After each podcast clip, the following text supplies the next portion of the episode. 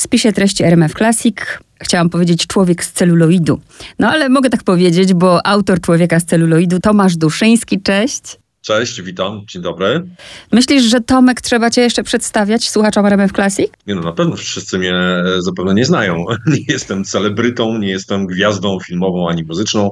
E, tylko zwykłym pisarzem książek. Chciałam tam takim zwykłym, jak nawet jak dzisiaj szłam do pracy i myślałam o tym, że to jest naprawdę kilka lat, jak ty wystrzeliłeś, bo to nie jest tak, że ty jakby tym glacem, wiesz, zacząłeś swoją przygodę z pisaniem, ale od glaca się chyba tak naprawdę za zaczęło dziać. To prawda, rzeczywiście, a to myślę, że to był taki strzał w dziesiątkę, chociaż nie planowałem oczywiście strzelać sam w środek tarczy, tak się udało ale przede wszystkim miałem super fajną historię, tak mi się wydawało już wtedy. I, i fajnie, że to się potem przełożyło, wiesz, też na odbiór e, czytelników, że e, oni też uznali, że ta historia o Glas, czyli dawnym Płocku, dziejąca się w latach dwudziestych, jest naprawdę e, bardzo fajna, pełna tajemnic i, i fajnie ją e, czytać. No I potem powstały kolejne tomy i chyba tak e, udało mi się jakieś grono czytelników większe zdobyć i też zaistnieć na rynku kryminałów, co nie jest tak naprawdę teraz proste. Nie jest proste to raz, a od tamtej pory naprawdę dużo się działo i mam ci przekazać, bo jeszcze wczoraj dostałam informację do ucha, że jeśli będę z tobą rozmawiać, to mam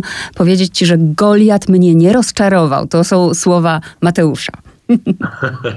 No to pozdrów Mateusza, bardzo się cieszę, e, że go nie rozczarował. Mam też nadzieję, że mu się podobał po prostu. Ja nie ukrywam, że za każdym razem, kiedy piszę kolejny tom jakiejś powieści, ja jest to cykl, to staram się, żeby, żeby rzeczywiście nie, miał jakiś, nie było jakiegoś wielkiego spadku formy, bo ja czując, gdy czuję, że, że piszę historię, która, która mnie nie pociąga, tak naprawdę chyba już wtedy wiem, że jej nie zakończę i, i napiszę czegoś e, dalej. Nie ciągnąłbym tak naprawdę też cyklu, więc ta czwarta część po dobrze przyjętej tej pierwszej, drugiej i trzeciej, nagradzanych e, tak naprawdę wszystkich e, trzech, e, też było jakimś wyzwaniem dla mnie, no ale z kolei też ogromną zabawą, bo chciałem, wiesz, w tym Goliacie, tej na razie ostatniej, być może już ostatniej części cyklu rozgrywających się w Kłodzku, żeby to był taki westernowy klimat, którym rzeczywiście można się dosyć dobrze pobawić i mieć trochę rozrywki też takiej zwykłej, swobodnej, czytając po prostu powieść i zanurzując się oczywiście też w jakiejś historii e, kryminału retro e, i, i historii Kłodzka e, lat dwudziestych. Dobrze, że powiedziałeś to być może, wyłapałam to, bo to bo wiesz od razu, a niektórzy zaczęliby płakać. A ci, którzy się przysłuchują i gdzieś zagubiliście się w czasie i nie czytaliście serii Glac, to koniecznie. Ostatnio rozmawialiśmy o tym, że robisz właśnie taki, taki płodozmian, tak to nazwaliśmy, prawda? I z Kłodzka za, zabrałeś nas do Warszawy, bo rozpocząłeś cykl Fenomen z Warszawy i teraz mamy drugą część, jeśli tak mogę powiedzieć, chociaż wszystkie możecie oczywiście czytać niezależnie. Jest to Człowiek z celuloidu. E, trochę wprowadź, bo nie oddaliłeś się tak za bardzo, zostałeś w tych samych czasach. Cztery lata jesteśmy mm, po czasie akcji z Fenomena z Warszawy, tak? Tak, e, masz rację, rzeczywiście, tak kiedyś rozmawialiśmy, chciałem, żeby to był taki płodozmian, bo przy okazji zmieniam e, klimat, co prawda wiek e, podobny, lata 30 tym razem, rozgrywająca się akcja w Warszawie, w fenomenie w Warszawie, teraz człowiek z celuloidu. Chciałem, wiesz, też polski kryminał taki mieć, wiesz, no nie ukrywajmy, że Glac to dawna niemiecka nazwa kłodzka, więc ci bohaterowie też nie mogli być komisarzami z Polski, a wręcz przeciwnie, jakimś tam wachmistrzem czy kapitanem Kleinem, którym no, rzeczywiście jest po prostu Niemcem, nie ukrywajmy. Natomiast tutaj chciałem e, poczuć ten polski klimat, trochę poczytać o Warszawie lat 20-30, a ten klimat uwielbiam. A w tym wypadku, w, przy, przy okazji Człowieka z celuloidu, poczytać trochę o dawnym e, kinie, o gwiazdach tamtego kina i rzeczywiście e, włożyć to wszystko, zrobić taki miks i włożyć to wszystko w opowieść kryminalną rozgrywającą się w, w stolicy naszego kraju. No i to było dla mnie bardzo ważne, wiesz, żeby, e, żeby poczuć coś, coś innego i żeby rzeczywiście zabrać czytelników w zupełnie inną podróż, która mam nadzieję będzie równie fascynująca. I rzeczywiście człowiek z celuloidu już wiem, że, że ludziom się podoba, że czytelnikom się podoba. No, no każdy kojarzy Eugeniusza Bodo, Mieczysławę Ćwiklińską, mówię przynajmniej o tych e, czytelnikach, którzy są zbliżeni do mnie, do mnie wiekiem. I niektórzy lubią właśnie też ten klimat międzywojennej Warszawy, e, tych dawnych kin chociażby, czy literatów, którzy gdzieś tam po tej Warszawie chodzili, a znamy znamy też ich dzieła i, i, i, rzeczywiście chciałem to wszystko przełożyć, zebrać, zebrać razem i komisarza Wróbla postawić przed, trudną sytuacją i rozwiązaniem sprawy, która e, rozgrywa się właśnie w świecie filmu okresu międzywojennego. Ja nie ukrywam, że właśnie to, o czym przed chwilą mówiłeś, najbardziej mnie interesowało i do tego za chwilę, ale teraz, żebyśmy zaspokoili taką ciekawość, e, umiesz to świetnie robić, czyli wprowadź w akcję. No tuż przenosimy się rzeczywiście do roku 1934. Jesteśmy w Warszawie. Pierwsze sceny Człowieka z celuloidu rozgrywają się w dawnym atelier w filmowym Sfinksa. To jest taka wytwórnia prowadzona przez Herca, która, która była w Warszawie w tamtym czasie bardzo produktywna i produkowano e, wiele filmów, chociaż już lata 30. tak naprawdę to już schyłek tej wytwórni filmowej e, i rzeczywiście to miejsce istniało. Wytwórnia Sfinksa, atelier Sfinksa na najwyższym piętrze, jednego z najwyższych budynków w Warszawie, przeszklone, takie akwarium oczywiście, skoro to najwyższe, najwyższe e, piętro. E, tam rzeczywiście nakręcono bardzo wiele filmów, ale też często e, udostępniano różnym firmom właśnie to miejsce, żeby nagrywały także swoje, swoje filmy. I rzeczywiście w tym momencie jesteśmy w historii, w której grupka młodych aktorów, którzy chcą tak naprawdę zostać gwiazdami polskiego kina, rozpoczyna swoją przygodę z taką firmą, która, która na kilka dni zamyka ich w tym atelier i wspólnie nagrywają różne, różne fragmenty filmów na podstawie wcześniejszych filmów, które zostały w Polsce rzeczywiście e, nakręcone. Tylko to wszystko się rzeczywiście dzieje, kończy tragicznie, ponieważ każdy z tych uczestników e, okazuje się, że na końcu e, e, umiera i są odnalezieni w tym atelier po, po jakimś czasie, ułożeni w dosyć dziwnej, dziwnej figurze geometrycznej, która kojarzy się oczywiście z okultystami. Rozpoczyna się w tym momencie śledztwo, którym e, które prowadzi znany wszystkim, mam nadzieję, komisarz Antoni Wrubel, niepokorny także obdarzony ciętym językiem komisarz stołecznej policji. No i te tropy rzeczywiście początkowo prowadzą w świat e, okultyzmu, ale także w świat e, e, międzywojennego kina i także gwiazd filmu. Między innymi tropy prowadzą do Eugenisza Bodo, który być może jest zamieszany w, ten, w tę historię związaną z morderstwem w atelier Sfinksa. Nie będziemy też więcej rozmawiać o, o, tej e, części, to sobie zostawiacie. Jedyne, co, do czego chcę nawiązać, to, że no bo minęły cztery lata, rzeczywiście ten Osowiecki się tam też pojawia w tej książce, e, ale zacząłeś zgłębiać, e, bo ostatnio rozmawialiśmy o Sowieckim i wszyscy już, prawda, wiedzą kim jest, ale teraz jakby zacząłeś zgłębiać Czesława Czyńskiego, prawda? Tak, on też się pojawiał w fenomenie z Warszawy przez chwilę ja nie ukrywam, że ta druga część w jakiś sposób jest też ukłoniona do tej pierwszej, więc ten wątek paranormalny, powiedzmy, także okultyzmu, czy też Czyńskiego, który był e, oskarżany także o E, różne rzeczy związane z czczeniem e, szatana e, gdzieś tam występuje.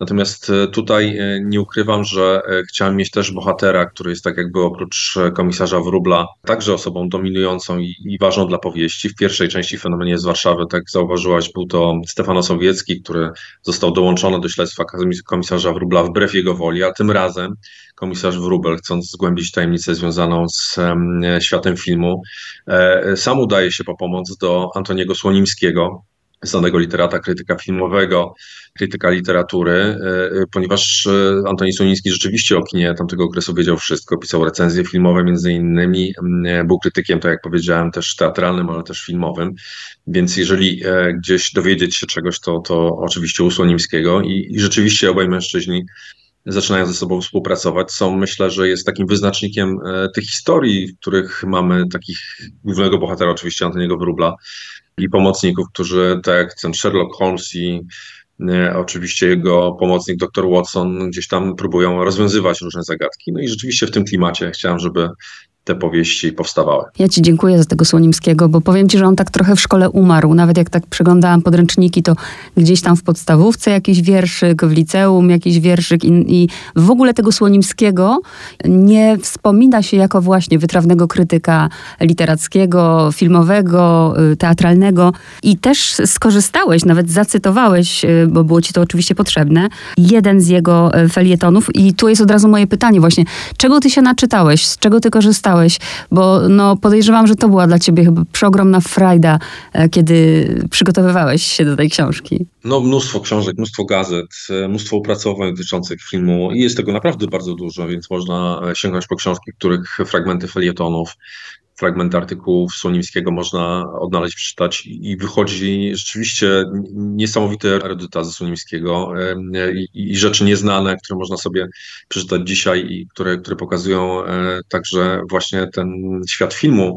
tamtego okresu I, i to była naprawdę fascynująca podróż. Ja polecam Państwu, jeżeli chcecie sięgnąć po coś Słonimskiego, Torpedę Czasu. Tak. E, to jest opowieść fantastyczna, e, którą Słonimski także napisał, więc fantastyka w jego wykonaniu także gdzieś tam się pojawiała. Ciekawa rzecz bardzo e, mocno, więc jeżeli Państwo chcecie gdzieś tam tego Słonińskiego sobie od, odsiewieść albo poznać na nowo, albo w ogóle go poznać, no to polecam chociażby właśnie e, ten utwór. Jak powiedziałeś o torpedzie czasu, znaczy w ogóle jak napisałeś, tam właśnie wspominając, to się uśmiechnęłam, bo ja kiedyś kupiłam tę książkę w antykwariacie i nawet e, być może oczywiście przypadkowo okładka tej książki z tamtych lat koresponduje z twoją, prawda, kolorami.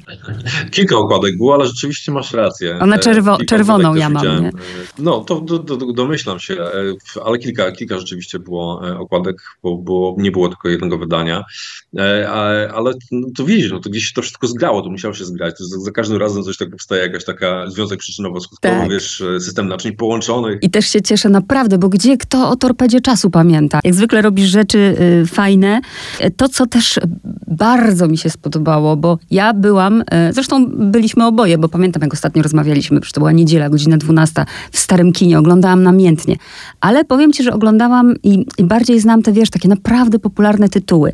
A ty robisz taki fajny przegląd kina, nawet jeszcze nie tylko z lat 20., 30., ale z lat 20. I pytanie, y, niektórych tych filmów zupełnie nie znam, niektórych nie pamiętam. O ile te, te niektóre można właśnie, czy Lucyna to dziewczyna, y, y, obejrzeć, to na przykład Syn Szatana. Czy, czy ty gdzieś te filmy, o których wspominasz, miałeś okazję obejrzeć, czy one gdzieś się zachowały, czy ty, tylko już jakby z materiałów pisanych? Ja już muszę ci powiedzieć też, że, e, że ja też byłem ogromnie zaskoczony tym, jak wyglądało kino e, polskie lat 20. przede wszystkim, bo do lat 30. E, te najgłośniejsze filmy, te, które gdzieś tam można nawet w serwisie YouTube sobie obejrzeć dzisiaj, jego ekscelencja sub, Subiekt, Eugeniusz Bodo, Mieczysława Świetlińska, czy inni aktorzy, one są znane, bo ja też oglądałem to stare kino u swojej babci, siedziałem, wiesz, w domu i pamiętam tą czołówkę, kiedy sobie taki pan idzie, wiesz, w, w, na celuloidzie, że nagrany w stronę stronę właśnie, właśnie kina, ale potem e, wiesz, wiedziałem, że jest bogate kino, ale nie wiedziałem, że aż tak. Zacząłem szukać różnych opracowań i, i, i większość tych filmów nie przetrwała do naszych czasów. Niektóre tylko we fragmentach, w kilkanaście sekund na przykład filmu, kilka, kilka minut filmu, ale były dobrze opisane i, i można e, te krótkie, krótkie informacje dotyczące e, samego scenariusza, jak wyglądał ten film, o czym, o czym był, kto tam grał, przeczytać. I rzeczywiście jest to niesamowicie zaskakujące, bo e, scenarzyści, reżyserzy dotykali, dotykali tak naprawdę niemalże każdego możliwego tematu. To była fantastyka, okultyzm, historie miłosne oczywiście, romanse, ale, ale naprawdę bardzo karkołomne czasami pomysły, które wydawałoby się niemożliwe do realizacji nawet dzisiaj, albo dzisiaj byłoby to kino, które, które budziłoby tak naprawdę e, może po części zachwyt, ale także ogromne zdziwienie. I być może wtedy też tak e, naprawdę było, ale rzeczywiście większość tych filmów nie przetrwała do naszych czasów i tylko i wyłącznie te źródła pisane gdzieś dostarczają na tych informacji o tym, jak te filmy wyglądały i o czym, i o czym były. Ale, ale to naprawdę jest niesamowita lektura. Ja Ci bardzo za ten przegląd dziękuję. Szkoda, wielka szkoda właśnie, że nie możemy tego pooglądać. Jak Ty przed chwilą się zaśmiałeś, to ja e, chciałam użyć takiego kolokwializmu, że, że jak się czyta o tych filmach niektórych, to naprawdę były bardziej odjechane niż najbardziej współczesne kino. Tak, tak, tak. To, to nie ulega wątpliwości. Powiem Ci, że naprawdę chciałbym niektóre z tych filmów zobaczyć. Po tym, jak przeczytałem, to wiesz, co coraz większe oczy miałem i mówiłem, to chyba jest niemożliwe, bo ja bym tego po prostu nie wymyślił, wiesz, powieści, tylko i wyłącznie, żeby, wiesz, coś wymyślić do, do, do fabuły swojej historii i tak jakby to wpleść w wątek kryminalny. To dostarczyło mi, e, powiem Ci, tyle materiału, że musiałem po prostu odrzucać niektóre rzeczy, których żałuję. Ale mam nadzieję, że jeżeli ktoś się tym zainteresował, to po prostu poczyta, e, poczyta o tych e, filmach lat dwudziestych przede wszystkim i, i, i, i znajdzie coś fajnego dla siebie. I też cieszę się, że ten Bodo, wiesz, w pewnym momencie o Eugeniuszu zaczęłam czytać już po tym, co się stało w 42. I wrócił do mnie ten Eugeniusz Bodo z tych czasów świetności, z tych um, romansów y, i rozumiem, że tutaj jeden do jednego można powiedzieć, wszystko jest prawdą. Nawet y, pięknie ująłeś y, alkoholizm, tylko właśnie przyczyną rozpadu y, jego związku z kochanką był alkoholizm czy jego matka? Wiesz co, chyba w, tak jak w życiu, no, e, wszystko ma wpływ i alkoholizm i, i, i, matka i może sama kobieta, z którą, z którą się związał i to e, jakim był człowiekiem, bo nie ukrywajmy, że mamy ten obraz e, najczęściej Eugenisza Bodo, taki fajny cukierkowy, który tak naprawdę kształtowany jest przez filmy, w których grał, te piosenki, które gdzieś tam gdzieś dalej krążą, gdzieś czasami gdzieś się pojawią, a które odgrywały bardzo ważną rolę w kinach i potem w Warszawie, całej Warszawie po takim seansie wychodząc ludzie zaczynali śpiewać e, w jakiś, jakiś e, znany kawałek, który potem rozchodził się niemalże błyskawicznie po całej Polsce. E, ale to też postać tragiczna, tak wspomniałaś. W sam jego koniec, ostatnie dni życia, ostatnie chwile życia były bardzo, bardzo znaczące dla całej jego historii. No ale też nie ukrywajmy, chciałem, chciałem jak najbardziej przemycić jak najwięcej smaczków, ale też pokazać tego Bodo, jakim mniej więcej był człowiekiem, chociaż go nie znałem przecież osobiście i też trudno wyciągnąć wszystkie informacje z e, samych materiałów e, pisanych, ale, ale to, to, ten moment klatki schodowej, do której wchodzisz, która jest e, całkowicie tam wyryta przez na ścianach, ten, ten, ten obłupany imionami różnych kobiet, które go zapraszały, mężczyzn także, którzy go gdzieś zapraszali na randki, na schadzki, wypisywali jakieś e, wyznania miłości. E, to nie ukrywajmy, no to jest też człowiek, który codziennie miał do czynienia z uwielbieniem ogromnym. Chodził gdzieś tym swoim wielkim psem Arlekin, Arlekinem do restauracji, odstraszając ludzi, ale też pewnie potrzebując jakiejś bliskości, także i uwielbienia być może także. I, I wiesz, co trudno jest to wszystko przełożyć potem na język opowieści, ale ale chciałem, żeby ktoś, kto, kto czyta Człowieka z celuloidu w jakiś sposób e, też miał obraz tych postaci, które, które pojawiły się w powieści, a które są postaciami historycznymi, które E, które można w jakiś sposób e, obserwować nawet dzisiaj. I zobacz, nawet jak mówimy, że, że wszystko się jakoś łączy, trzymając się akcji, Bodo jeszcze kompletnie nie wie, jak skończy, najlepsze scenariusze, najciekawsze pisze życie, nie? Takie to, takie to smutne teraz pomyślałam. Ale jeszcze wracając do, no, ciekawa jestem, czy to jest twój wymysł, czy rzeczywiście taka ciemna plama e, jest? No podejrzewam, że tak, bo Bodo nie ukrywa, że do świata filmu jako producentów no bierze ludzi z półświadka. Dzisiaj też tak przecież jest, o czym się nie mówi głośno. To wyczytałeś, czy to sobie tak dodałeś?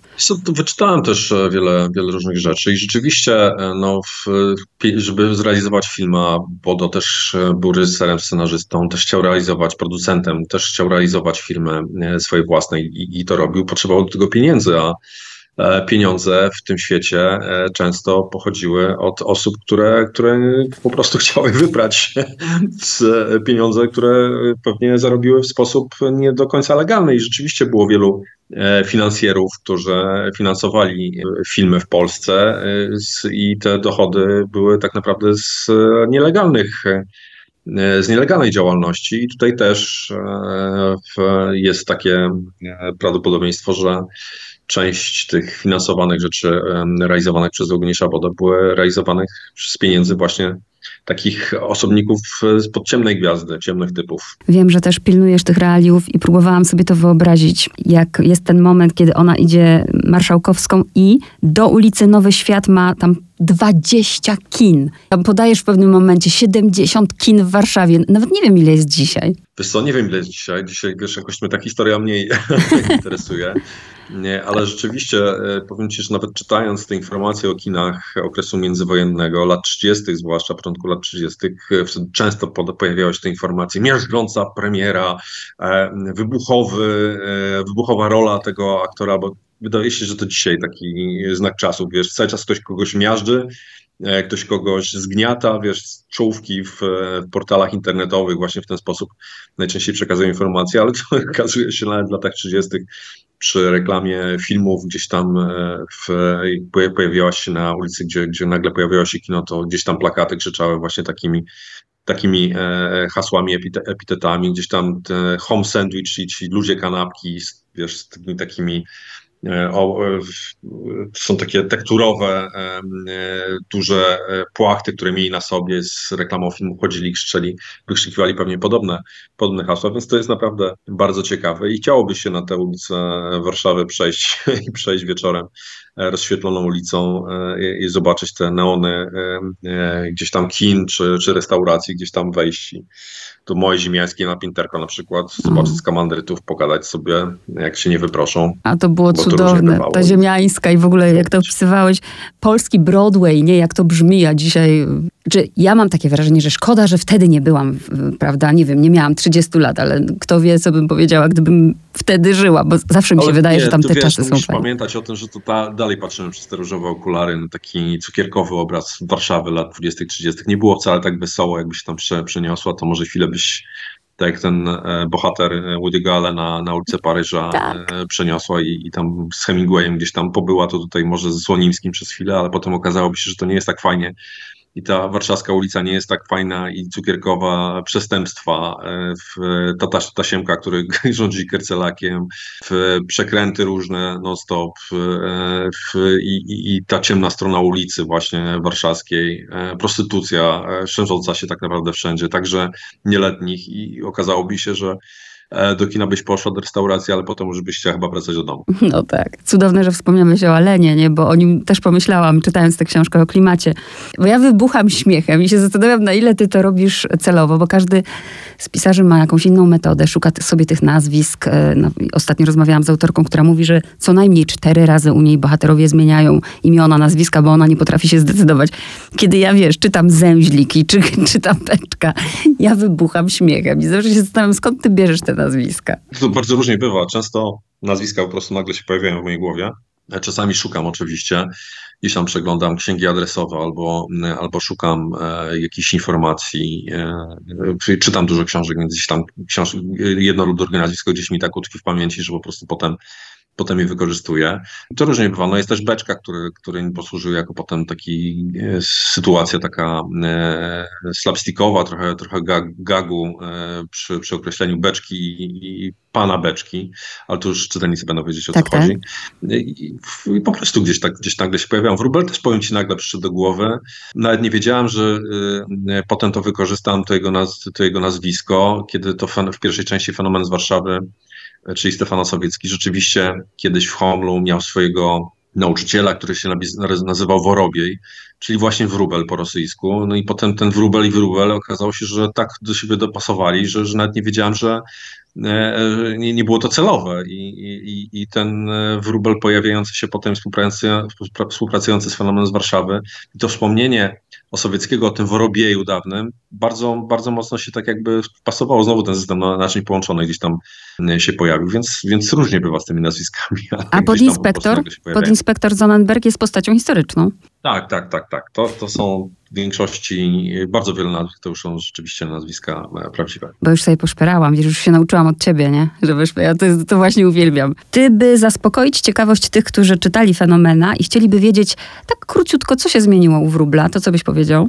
No cóż, e, Wróbel e, od początku e, nieszczęśliwą miłością pałał do Heleny Winiarskiej, aktorki, którą darzył ogromnie dużym uczuciem, ale ta przyjaźń rozwijała się w różny sposób, miała wzloty i upadki.